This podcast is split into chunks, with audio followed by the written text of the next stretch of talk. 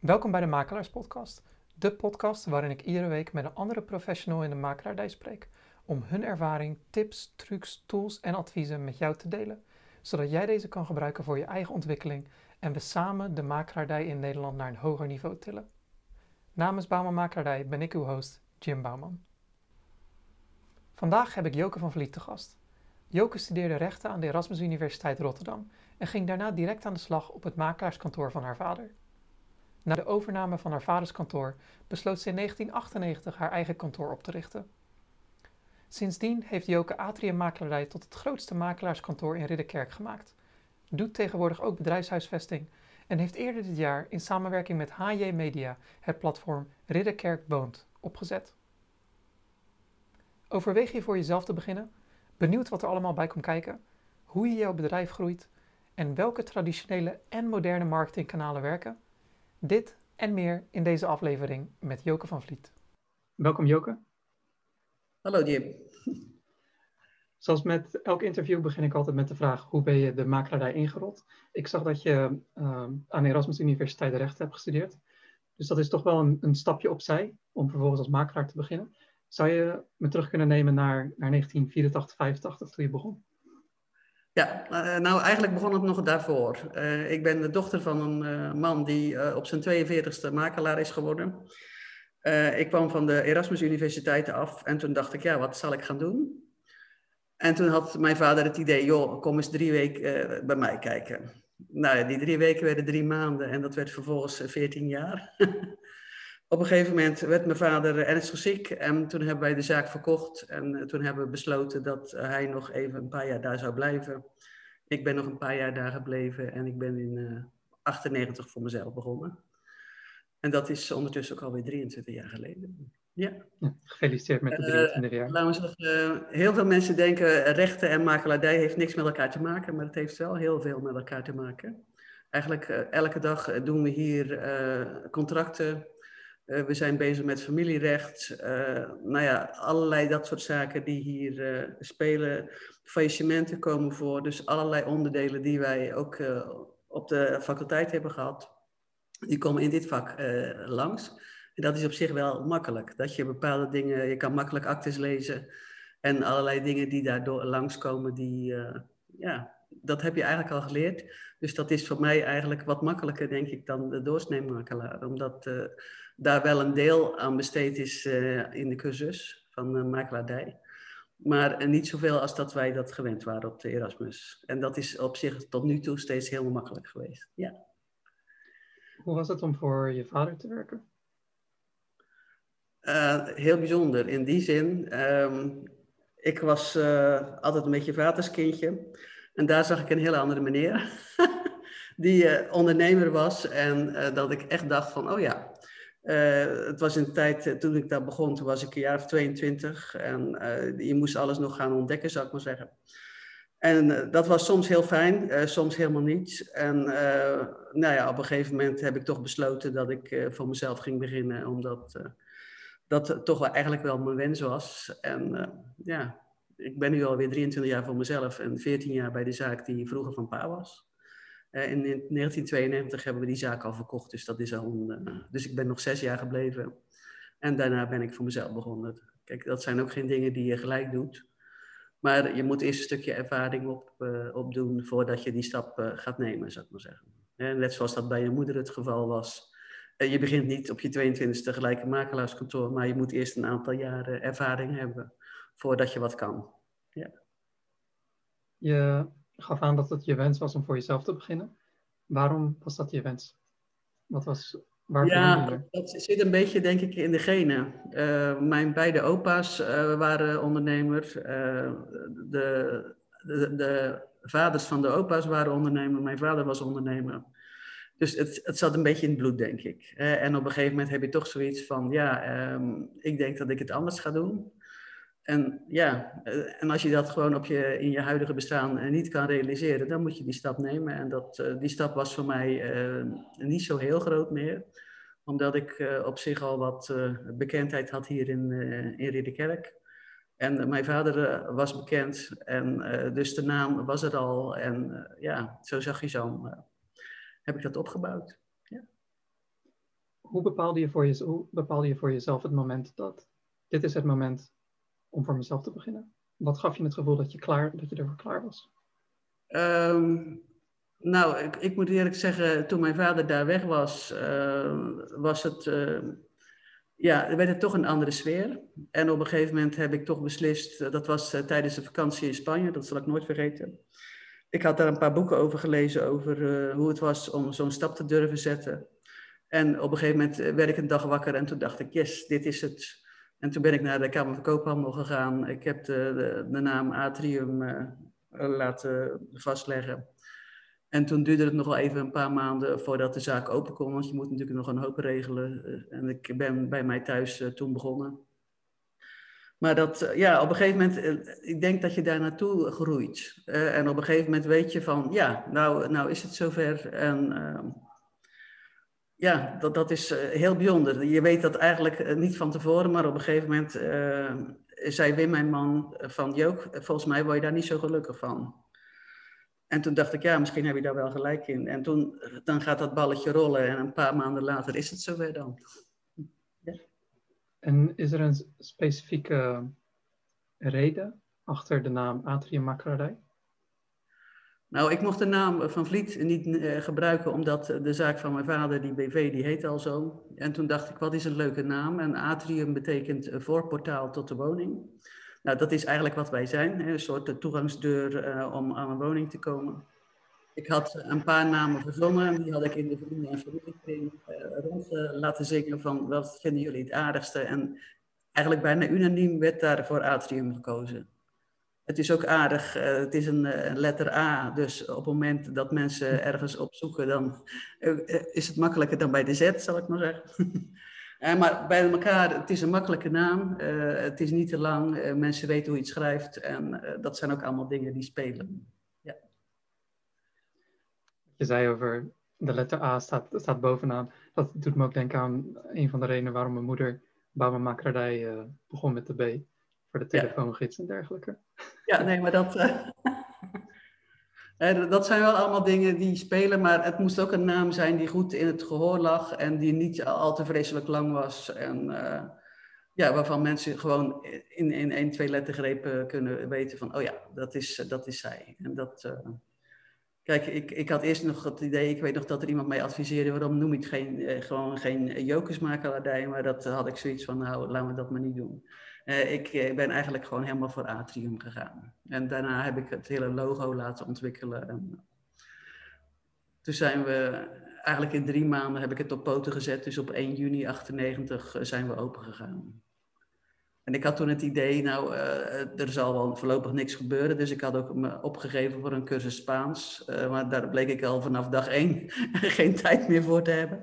Dus dat was wel heel fijn. Dus, uh, dus ik zat er bij de telefoon en ik dacht, nou, we zien wel wat komt. En eigenlijk vanaf het eerste uur werd er gebeld. En ja, dat is eigenlijk tot nu toe gewoon gebleven. Dus daar ben ik al heel dankbaar voor dat, het, dat er geen gaten in de tijd vielen, maar dat het eigenlijk vanaf het begin is gaan lopen. Ja. Hoe wisten mensen je vanaf dag één te vinden? Nou, ik was een van de eerste die ook een website had. Uh, dat begon allemaal net. Uh, er waren toen nog mensen die helemaal niet wisten wat internet was en dat soort zaken. Maar ik ben ook al vrij snel begonnen om een blaadje uit te geven, Huis aan Huis, een kleurenfolder. En dat is ook niet alleen in Ridderkerk, maar ook in Rotterdam-Zuid uh, voor een deel geweest. En ja, ik had ook uh, wekelijks advertenties in het plaatselijke blad, wat huis aan huis verspreid werd. En heel veel mensen kenden mij omdat ze mij tegenkwamen, uh, laten we zeggen, op een vereniging of in een winkel of dat soort zaken. En dan is de Ridderkerk echt nog een dorp. Dat mensen zeiden van, nou, dat is toch jouw bedrijf? En ja, op zo'n manier is dat eigenlijk zich gaan ontwikkelen. Maar ik heb aan het begin wel veel reclame gemaakt om te zeggen van, hé, hey, ik, ik zit nu hier Kijk, en ik had geen uh, concurrentiebeding, dus ik, uh, ik kon gewoon zo uh, op de hoek van de straat beginnen. Dus ik kon ook gelijk vol reclame maken. En ja, zo is dat ontwikkeld eigenlijk. Maar vooral toen nog in de papieren versie. Maar zeker ook op internet is dat ook gewoon heel goed gegaan. Dat was voor mij ook nieuw, maar ik, ik had zoiets van, nou, dit moet echt iets wel bijzonders worden. Dus vanaf het begin heb ik daar iemand naar laten kijken. Dus vanaf het begin hadden we eigenlijk een website. En ja, zo is dat ook weer doorontwikkeld. Toen was het allemaal nog redelijk bazaal, omdat nog niet iedereen wist wat internet was en dat de meesten dat helemaal nog niet hadden. Maar dat kun je nou na die tijd al niet meer voorstellen. Dat je nog zonder internet zou kunnen. Maar dat, dat zijn allemaal wel dingen die uh, ja, zich zo ontwikkeld hebben eigenlijk. Ja. Kwam je zelf met het idee om een website op te zetten? Of was er een, een bekende die... Uh... Nee, ik, ik, had zelf daar wat over gelezen en uh, ik had zoiets van, nou ja, uh, het begon allemaal een beetje te komen met de computers en dat soort zaken. Toen dacht ik, nou ja, als je, het, het, mensen, zeker de jongere mensen, die gaan dat toch merendeels doen. Kijk, en niemand had toen kunnen voorspellen dat heel de wereld uh, daar aan mee aan de gang ging. Maar toen de tijd was het voor mij wel een, ja, een uitdaging. Ik weet nog dat de websitebouwer zei van, nou ja, jij bent een van de eerste, dus je krijgt nog wat korting, want uh, misschien gaan er dan nog meer mensen dat doen. en dan denk ik, ja, dat, dat, is wel heel grappig om uh, te zien hoe dat dan ging. Hè? Net of dat het iets nieuws was waarvan niemand wist van, uh, wat gebeurt er nou mee? en nu heeft natuurlijk elke winkel en elke onderneming heeft een website. Ja. En je gaf aan dat je op meerdere manieren reclame had gemaakt in die tijd. Waren er soorten reclame die uiteindelijk een verspilling van tijd of geld waren in die tijd? Nou ja, je weet nooit achteraf waar de mensen nou opkomen, zou ik maar zeggen. Eh, maar ik was wel de enige hier die een eh, eigen blad uitgaf. Eh, omdat we dat bij vervliegmakelaars ook al gedaan hadden. En daar kwam altijd respons op. Ik was toevallig gisteren nog bij iemand die dat blaadje nog liet zien van jaren geleden dus dat was uh, een krantje van 24 jaar geleden, wat ze nog bij de spullen van de verkoop hadden bewaard. Nou, dat is echt heel schattig, moet ik zeggen. Ja, je, bedoel, je, je weet nooit waar de mensen op afkwamen. Um, van mijn vader leerde ik dat je toch zoveel mogelijk uh, reclame moest maken. De makelaars stonden er toen op uh, onbekend dat het altijd van die hele kleine advertentietjes waren in de plaatselijke bladen, want het mocht niet meer dan vijf gulden kosten, zou ik maar zeggen. Uh, ik heb altijd meer, en dat doe ik nu nog, meer reclame gemaakt dan uh, de meeste makelaars. Dat zie ik ook altijd in het uh, bedrijfsvergelijkend onderzoek, wat alle makelaars moeten invullen. dat mijn PR-kosten altijd hoger zijn. Maar ik denk dat dat belangrijk is, dat de mensen je toch goed kunnen vinden en op allerlei manieren weten van hoe ze bij je kunnen komen. Maar of dat er echt dingen zijn waarvan ik later dacht, ja, dat had ik niet moeten doen. Nou, ik, ik denk dat reclame sowieso goed is. Kijk, en dat ik misschien iets te veel geld daarvoor hem uitgegeven heb, dat zou best kunnen, ja. ja. En aan de andere kant waren er uh, reclame mogelijkheden waar je achteraf van dacht, daar had ik meer moeten investeren? Ik ben ook, nou ja, ik ben ook redelijk snel met de social media begonnen. En uh, zeker sinds de laatste periode hebben wij daar natuurlijk van alles nog wat op gezet. Maar waar je te laat mee begonnen ben, qua Nee, dat, dat idee heb ik niet, maar misschien is dat wel zo. Dat, uh, het, het belangrijkste was voor mij altijd dat we goed in de picture stonden en dat mensen ons makkelijk uh, konden bereiken. Nou ja, we hebben ook natuurlijk wel eens, we hebben hier zo'n gemeentelijk boekje. Daar stond ik altijd, uh, wat van huis aan huis verspreid wordt, altijd op de binnenklap pagina 1. Ik denk dat ik dat nu niet meer zou doen. om, dat is ook niet meer aan de orde geweest door de corona. omdat heel veel mensen daar niet meer in kijken. Eh, die halen alles digitaal en dat zijn uh, best dure advertenties. Dus ik heb zoiets van, ik zou dat volgend jaar denk ik niet meer doen. Maar verder uh, ben ik er wel bij om, laten we zeggen, wij sponsoren ook wat verenigingen en wat sportclubs en dat soort zaken. Om ook gewoon daar toch je gezicht te laten zien. 20, 25 jaar geleden kon je er niet echt achter komen waar de mensen vandaan kwamen, waar ze van je waar ze atriummakelaarij voor het eerst hoorden, wat hen overhaalde om bij atriummakelaarij langs te komen, totdat je met hen nou, in gesprek ging. Ja, vaak waren het de mensen die uh, eigenlijk van mond tot mond reclame van ons gehoord hadden. Uh, familie, vrienden, kennissen, de buren, en dat soort zaken. Uh, en zeker in het dorp spreekt dat wel om zich heen. Eh, van nou ja, ik ben door haar goed geholpen of zo of zo. Of, dus ja, dat is vaak mond-op-mond reclame is denk ik de beste reclame maar eh, ja, eh, er zijn ook mensen die toevallig niet met je in aanraking zijn gekomen. En die op andere manieren daarbij komen. Maar ik heb wel gezien dat het krantje wat wij altijd, we deden dat vroeger maandelijks. Ja, dat kan nou niet meer, omdat de verkopen zo snel gaan, uh, dat voordat de krant gedrukt is, eigenlijk al het grootste gedeelte weg is. Dus en dat is voor verkopers ook niet leuk en voor kopers ook niet. Want dan zien ze het huis wat nog te koop staat terwijl het al verkocht is. En dan gaan ze ons bellen en dan blijkt het al weg te zijn. Dus wij zijn eigenlijk toen de corona begon, begin vorig jaar, gestopt even met de krant. Omdat er er kwam een andere drukker, die kwam uit België. En eh, daar moest dus ongeveer ruim een week tussen zitten voor het drukken en het verspreiden. Ja, dat is in deze tijd gewoon kort. In de tijd dat we 120 huizen hadden, eh, dan stonden er altijd nog wel genoeg in. Ik bedoel dat, uh, maar in deze tijd is dat anders. Die doorstroming is veel sneller. En uh, het feit van dat je huizen, laten we zeggen, een, jaar of langer had, zodat er elke keer nieuw bloed bij kwam, en maar een deel ging niet weg, dat hebben we eigenlijk nu niet meer. Vandaar dat het eigenlijk zich niet meer zo loont om zo'n krant uit te geven. Want ja, je bent eigenlijk al achter de feiten aan aan het lopen als het bij de mensen op de mat ligt. Was dat de reden dat je het digitale platform Ridderkerk Woont bent begonnen? Ja, uh, ik had zoiets van, wij willen toch dat mensen op een bepaalde manier iets uh, meer van ons kunnen lezen. En ook niet, als ze toevallig een sticker op de deur hebben en ze ontvangen de krant niet, dat ze gewoon dat zelf kunnen bekijken. Ook door de corona is dat ook even wat in een, uh, ja, in een wat lagere versnelling gekomen. Want de mevrouw die ik bij de uitgever, waar ik met, bij de uitgever mee samenwerkte, die kreeg long covid en is voorlopig uitgeschakeld. Dus praktisch gezien zou het eh, nu al verder zijn geweest als dat het nu is. Maar ja, omdat de betreffende mensen die er hard aan trokken, allemaal daar op dat bedrijf corona kregen, uh, is dat allemaal wat rustiger geworden. Dus ik ben in, van plan om de rest van deze maand daar ook wat meer tijd weer in te gaan steken, want het moet echt het platform worden. Maar ik heb wel gezien dat dat gewoon heel veel tijd kost. Die krant maken kost al veel tijd. Maar dit is ook een kwestie van, we moeten elke keer nieuwe berichten lanceren en ook de woningen erop zetten en allerlei mensen vragen of dat zij daarin willen adverteren of mee willen doen. En mensen vinden dat wel een leuk idee. Maar ik ben eigenlijk begonnen toen eh, de lockdown er nog was. En er waren een hoop eh, ondernemers die zeiden: Ja, ik kijk toch even aan wat er gaat gebeuren. Eh, omdat natuurlijk heel veel bedrijven last hebben gehad van de corona. Uh, dus ik hoop uh, eigenlijk deze maand, volgende maand, daar weer gewoon goed in te kunnen duiken. Om het echt goed naar voren te stuwen. Want ik denk wel dat het een mogelijkheid is om op zo'n manier weer bij een andere groep in huis te komen.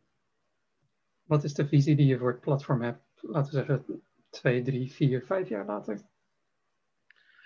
dat het eigenlijk toch een soort basisplatform is als mensen van in, Ridderkerk over huizen wat willen weten dus of dat het nou over woningen gaat, of over taxeren, of over erfenissen, of ik noem maar wat. Van alles wat langskomt met huizen en met wonen, dat dat erop staat. En wellicht kunnen we dat nog overzetten naar, laten we zeggen, nabijgelegen gemeentes, om dat ook op hun manier daarin te stijlen. Maar ja, door de corona is dat gewoon eigenlijk een half jaar te langzaam opgestart. Dus ik, mijn verwachting is dat ik als dit allemaal gaat lopen.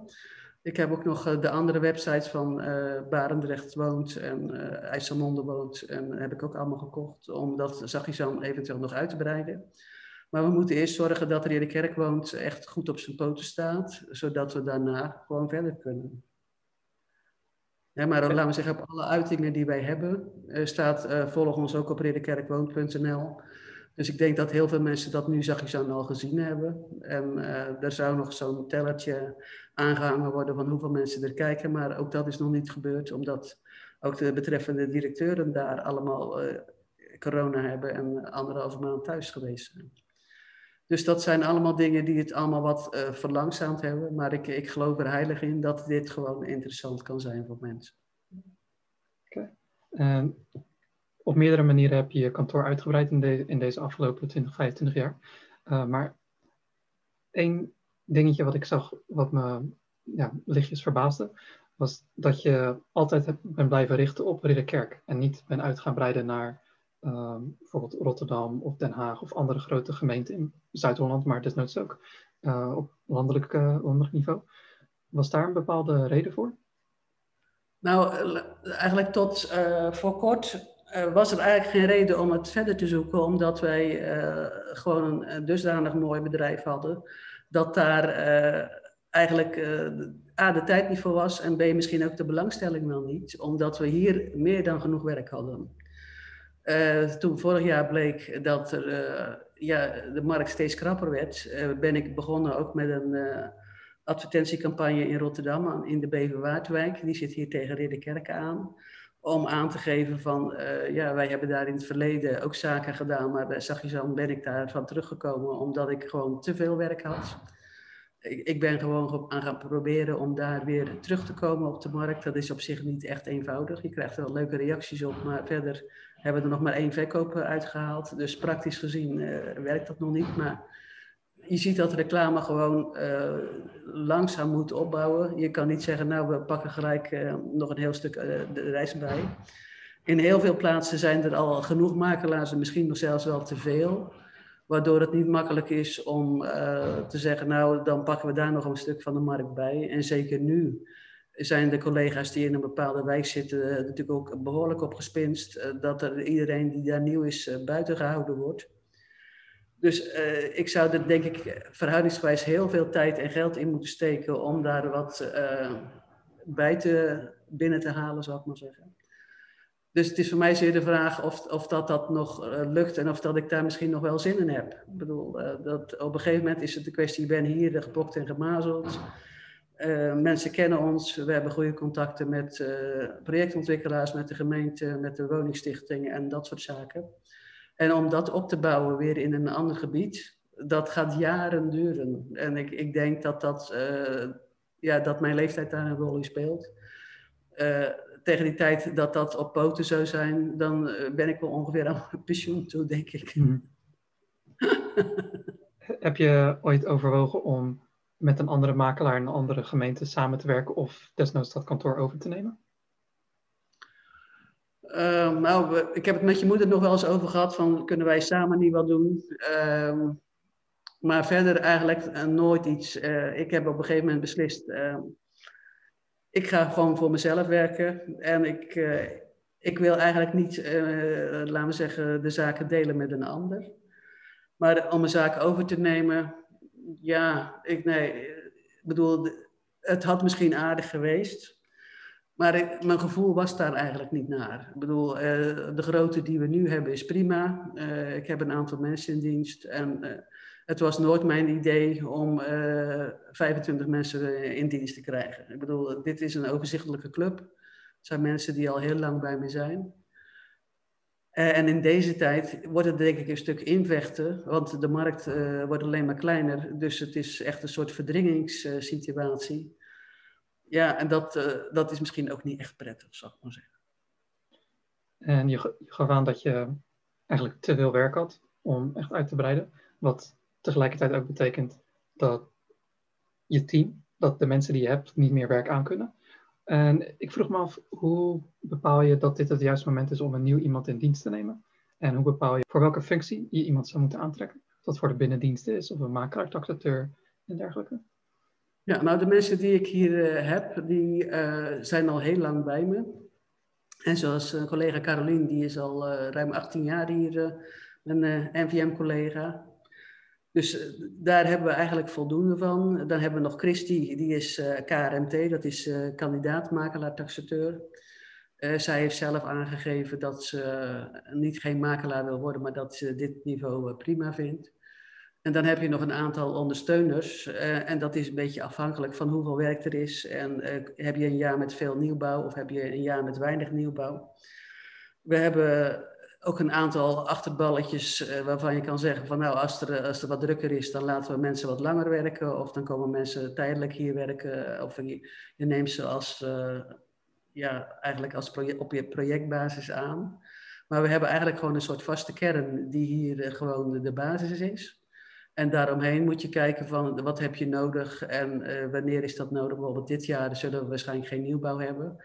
Dus dan houden we het op de basisgroep en uh, hebben we veel nieuwbouw. Uh, we hebben ook je moeder daar eh, in het verleden bij betrokken en nog een paar andere mensen die zeiden van ja, dat is wel leuk om te doen.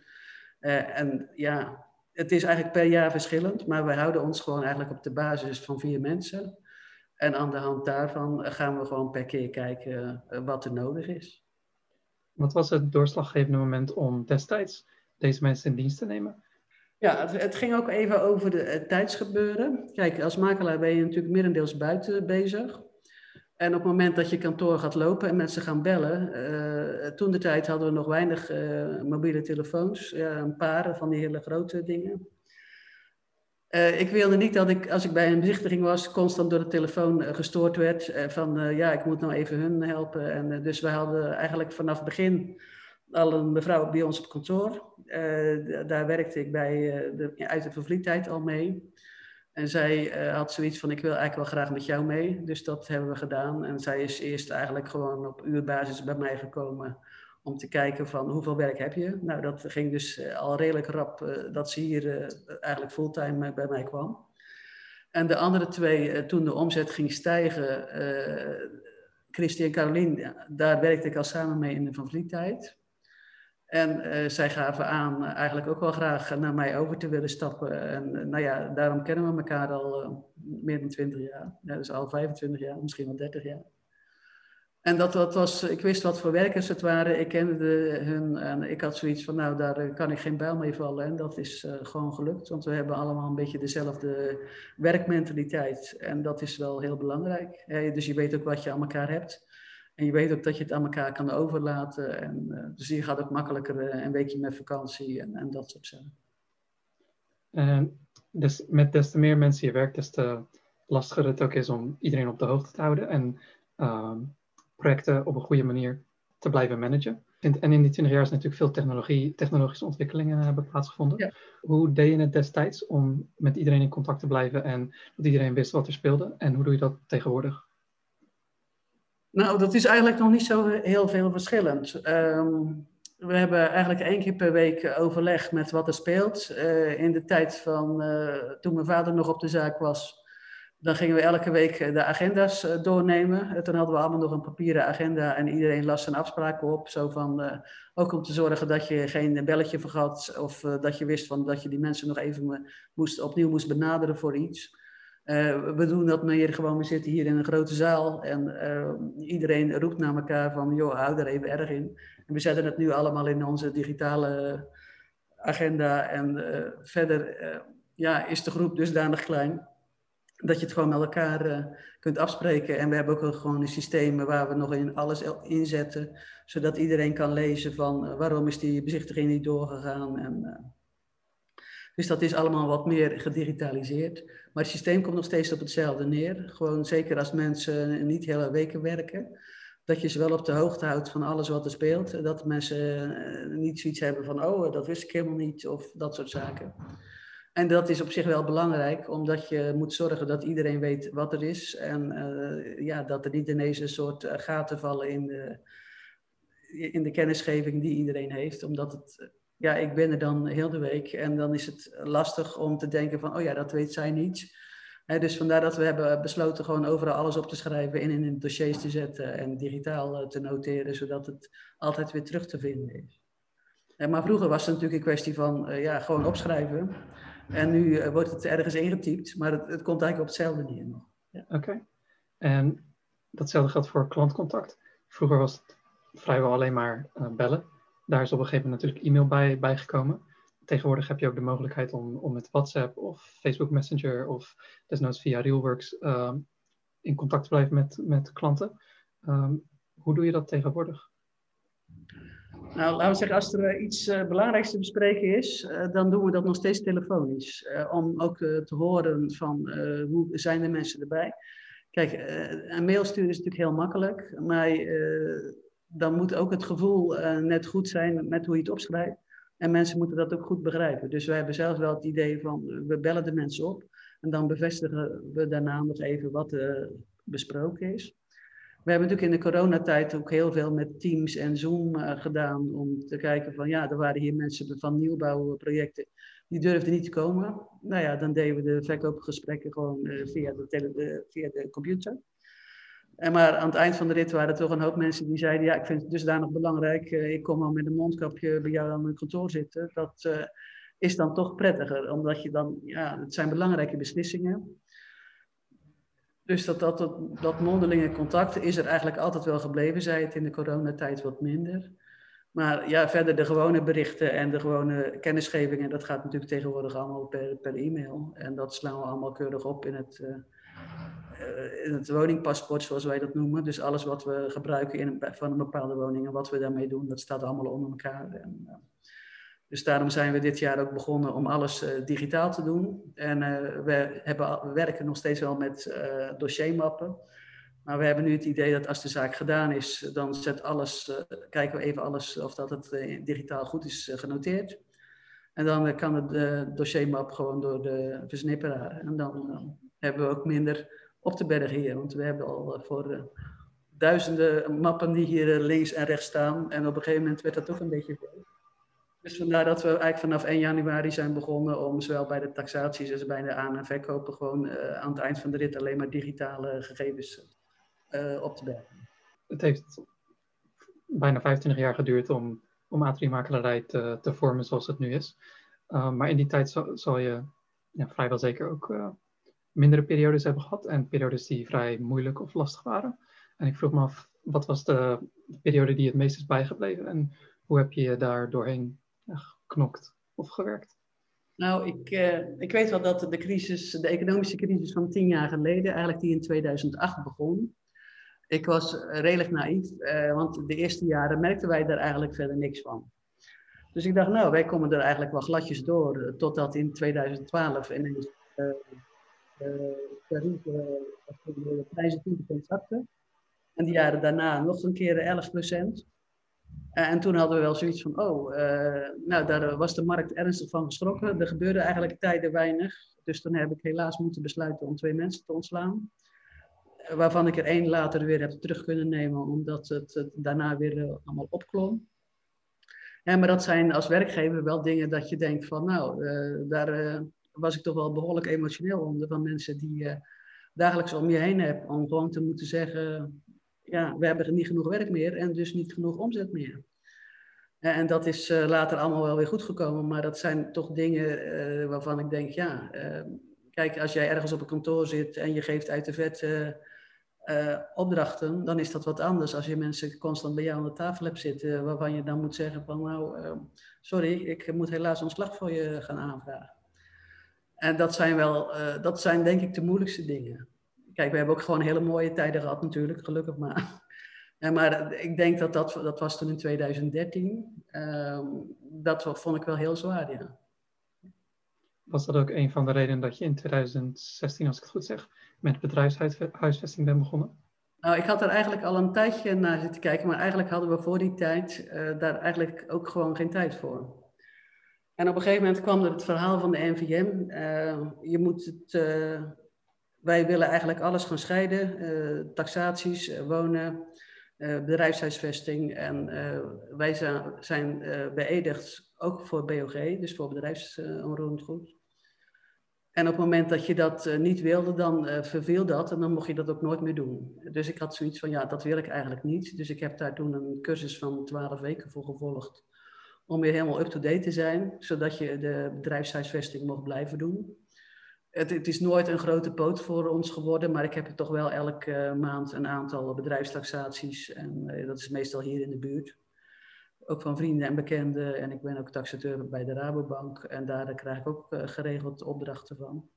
Maar dat is voor mezelf ook leuk. Het is weer wat anders dan wat we hier dagelijks doen. En het is een andere manier van denken. En, en ik vond het zelf ook jammer om, laten we zeggen, met één pennenstreek een heel onderdeel weg te laten doen. Omdat men vond dat dat maar anders moest.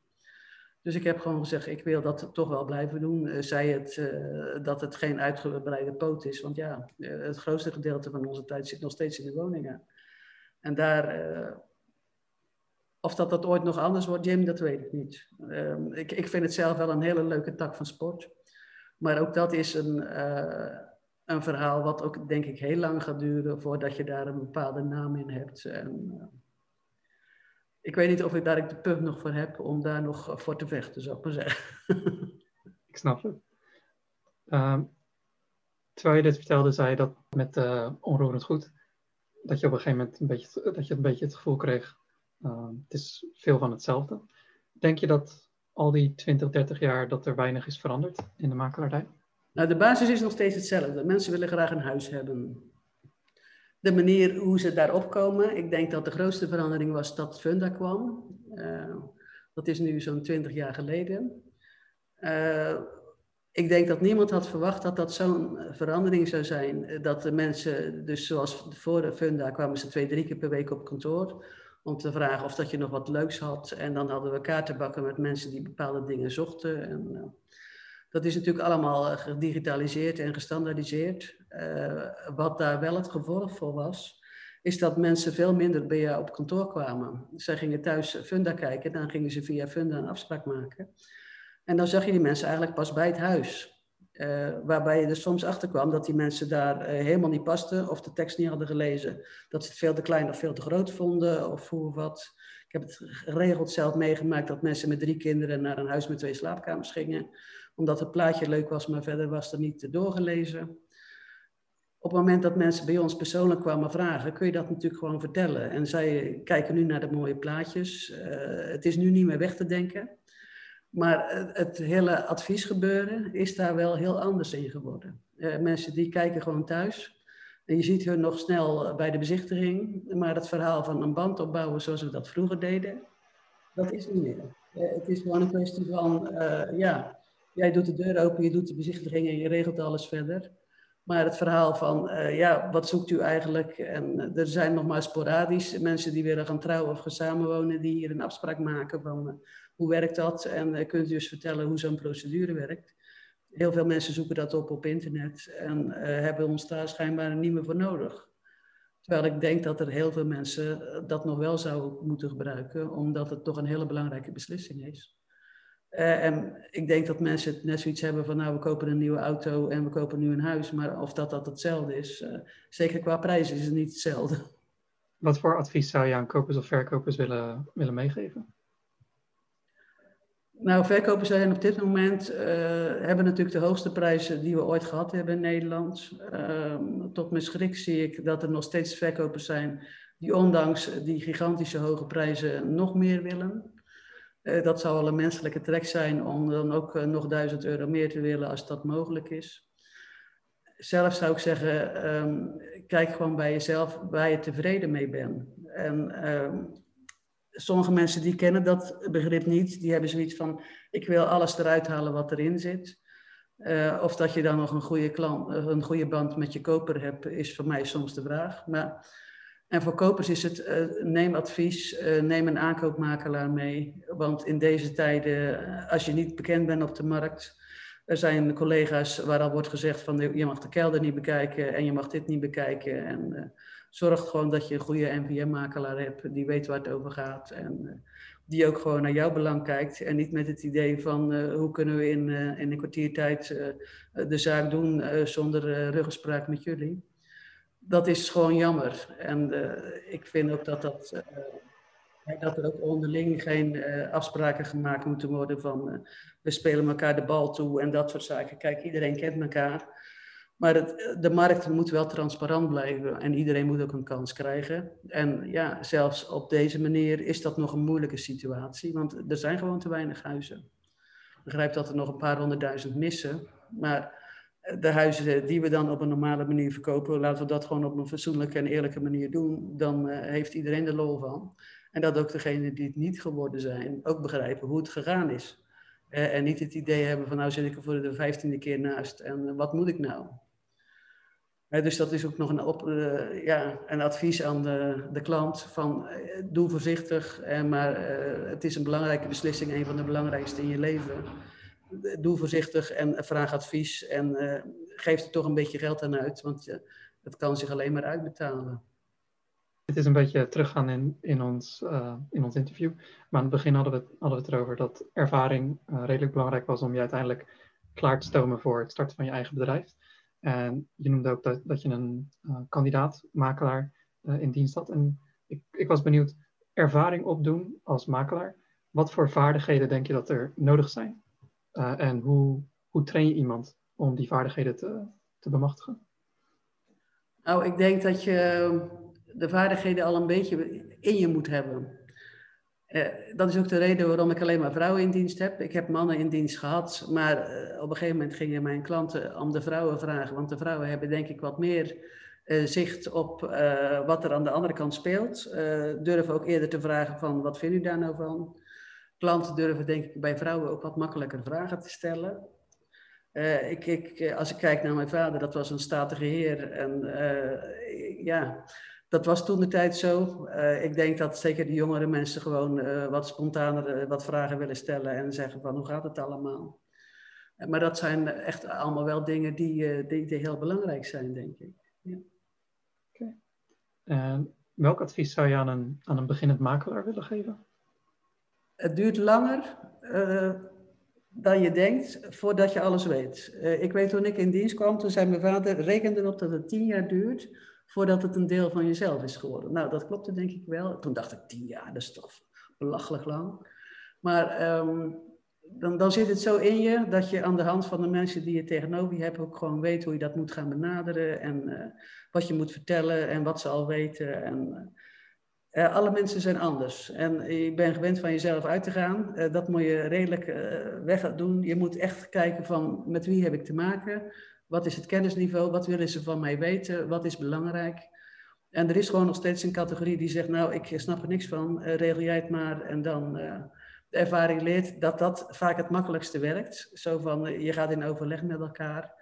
Uh, maar mensen moeten ook het vertrouwen jou kunnen geven dat het goed gaat en uh, dat je gewoon voor hun belangen opkomt. En ze zijn daarna ook gewoon dankbaar dat het zo gegaan is. En zo zijn we, dat zijn wij ook, hè, want dat is ons, ons werk. Gewoon optreden voor mensen die jouw hulp nodig hebben om iets belangrijks uh, binnen te halen of te verkopen. wat eigenlijk de grootste vermogenspost van de mensen zelf is. Hè. Dus we moeten daar niet te, te min over denken. En binnen een kwartier alles regelen en hupsakee en uh, bij de deur een briefje invullen van dat is het dan. Daar doen wij standaard niet aan mee. Mensen moeten echt een bedenktijd hebben om te kijken van nou wil ik dit of wil ik dit niet. Uh, en dat, uh, ja, er zijn collega's die daar schijnbaar sneller in werken en aan de hand daarvan misschien een wat snellere omzet hebben, maar zo wil ik niet aan mijn geld komen. Ik wil gewoon de mensen de keus geven van ehm, denk er eens rustig over, praat er eens met iemand over. En niet dat ze eh, na een kwartier bij bezichtiging uh, al een briefje krijgen wat ze s'avonds in moeten vullen. Dat vind ik iets te snel gaan allemaal. Maar ik moet zeggen dat er helaas bij heel veel collega's daar eh, anders over gedacht wordt. Wauw, ik, ik, ik, moet het even op me in laten werken. Ja. Dat was, dat was echt heel mooi advies. Zou je datzelfde advies aan een beginnend ondernemer willen geven? Of heb je voor een beginnend ondernemer ander advies? Nou, ik weet toen ik voor mezelf begon, dan maakte je gewoon dagen van 12 uur. Want er moest heel veel gebeuren. Je moest je overal in. Uh, ja, er komt natuurlijk gewoon iets bij. Het is niet alleen je werk, maar ook de administratie en de belastingen en alles wat er verder nog omheen zit. En alle lidmaatschappen en de NVM-regels. En, uh, dus niet te vroeg beginnen, want de ervaring moet je toch wel hebben. niet uit, uit je veld laten, of niet je uit het veld laten slaan als er even een keer wat tegen zit. Uh, en in dit vak zijn er altijd uh, ups en downs. We hebben dat in de afgelopen 30 jaar gezien. we hebben hele goede tijden en hele slechte tijden gehad en alles wat ertussen zat. Dus praktisch gezien um, niet schrikken als er wat magere jaren aanbreken, want er komen ook weer andere jaren. En toch gewoon door blijven zitten. Want ja, op het moment dat jij staat voor je verhaal, dan is dat het. En uh, als je dat niet kan, dan zou ik aanraden gewoon in loondienst te blijven. Want anders word je wellicht uh, verpulverd door mensen die uh, jouw marktaandeel willen hebben. En dat vaak op een niet al te nette manier gaan proberen. de ervaring leert dat de mensen die staan voor hun verhaal, en dan kijk ik ook naar jouw moeder, die, ja, wij houden het toch best lang vol. Dat, uh, dat is het verhaal. Kijk, mensen die met alle winden meewaaien en eigenlijk geen visie hebben, dan is het denk ik heel moeilijk als je wat mindere tijden hebt om daar gewoon nog positief in te blijven en te zeggen, joh, uh, we gaan door. Uh, en op het moment dat mensen denken, nou, ik word makelaar, want dan ligt het grote geld voor het oprapen. ik denk dat die tijden op dit moment wel voorbij zijn. Maar je moet het alleen kiezen omdat het een leuk vak is. Want uh, als dat, dat niet is, dan hou je het geen 25 jaar of 30 jaar vol. En ik ben nu in mijn 37ste jaar. Dus uh, ik zou het nog steeds niet willen missen. Bedankt, bedankt voor dit, dit interview, Joke. Ik heb nog twee afsluitende vragen die ik aan, aan elke persoon die ik interview vraag. Ehm, de eerste is, welke makelaar of taxateur of iemand anders die actief is binnen de makelaardij, denk je dan een geschikte kandidaat is voor, voor deze podcast? Iemand waar ik mee zou moeten spreken? Waar je mee moet spreken. En, oh, gewoon eh, op dezelfde manier of, of een bepaald ander onderdeel? Of, uh, nou, op een vergelijkbare manier. Dus iets waar andere makelaars en andere mensen binnen de makelaardij wat aan hebben. Dus het kan iemand zijn die in een totaal ander deel van Nederland actief is of een hele specifieke uh, niche binnen de, binnen de makelaardij uh, helpt. Ja. Of juist iemand die innoverend is. Nou, Jim, daar moet ik even over denken. Daar stuur ik jou ja. nog wel even een mail voor. Uh, want er zijn misschien ook mensen die zeggen, ja, dat, daar heb ik geen zin in. Of, uh, dus Begrijp die moet ik dan wel even een beetje kijken of dat dat kan. Um, daar, ja, daar moet ik even over denken. Prima, daar, kan, daar, daar komen we op terug dan. Ja. Dan uh, de afsluitende vraag. Hoe kunnen mensen met je in contact komen? Op allerlei manieren. Eerst met de telefoon, uh, dan via de e-mail, uh, via Facebook, um, LinkedIn, Instagram, onze site. nou, op allerlei manieren. En ook gewoon langskomen. Want we zijn ook elke dag open. Oké, ik zal zorgen dat in de omschrijving van de video, de podcast, op alle plekken waar we, waar we deze uitzending uh, uitzetten, dat daar de gegevens te vinden zijn, zodat mensen het makkelijk kunnen vinden. Joke, bedankt nou, voor je tijd. Ja, nou Jim, jij bedankt. Ik vond het ook een heel leuk idee. En ik vind het ook heel bijzonder dat ik je zo kan zien uh, terwijl je aan de andere kant van de wereld zit. En het, het is nu bij jou... Het is nu bijna zes uur, ja, smiddags, avonds. Ja, ja, dus er zit toch een knap verschil in qua uren inderdaad. Ja.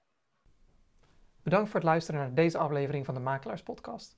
Heb je ervan genoten? Laat dan alsjeblieft een positieve review achter op Apple Podcasts, Spotify, Stitcher of de podcast-app waarop jij dit beluistert. Hier doe je ons een enorme dienst mee en zijn we je erg dankbaar voor. En wil je op de hoogte blijven van deze podcast? Vergeet je dan niet te abonneren. Dat was het weer voor vandaag en tot volgende week.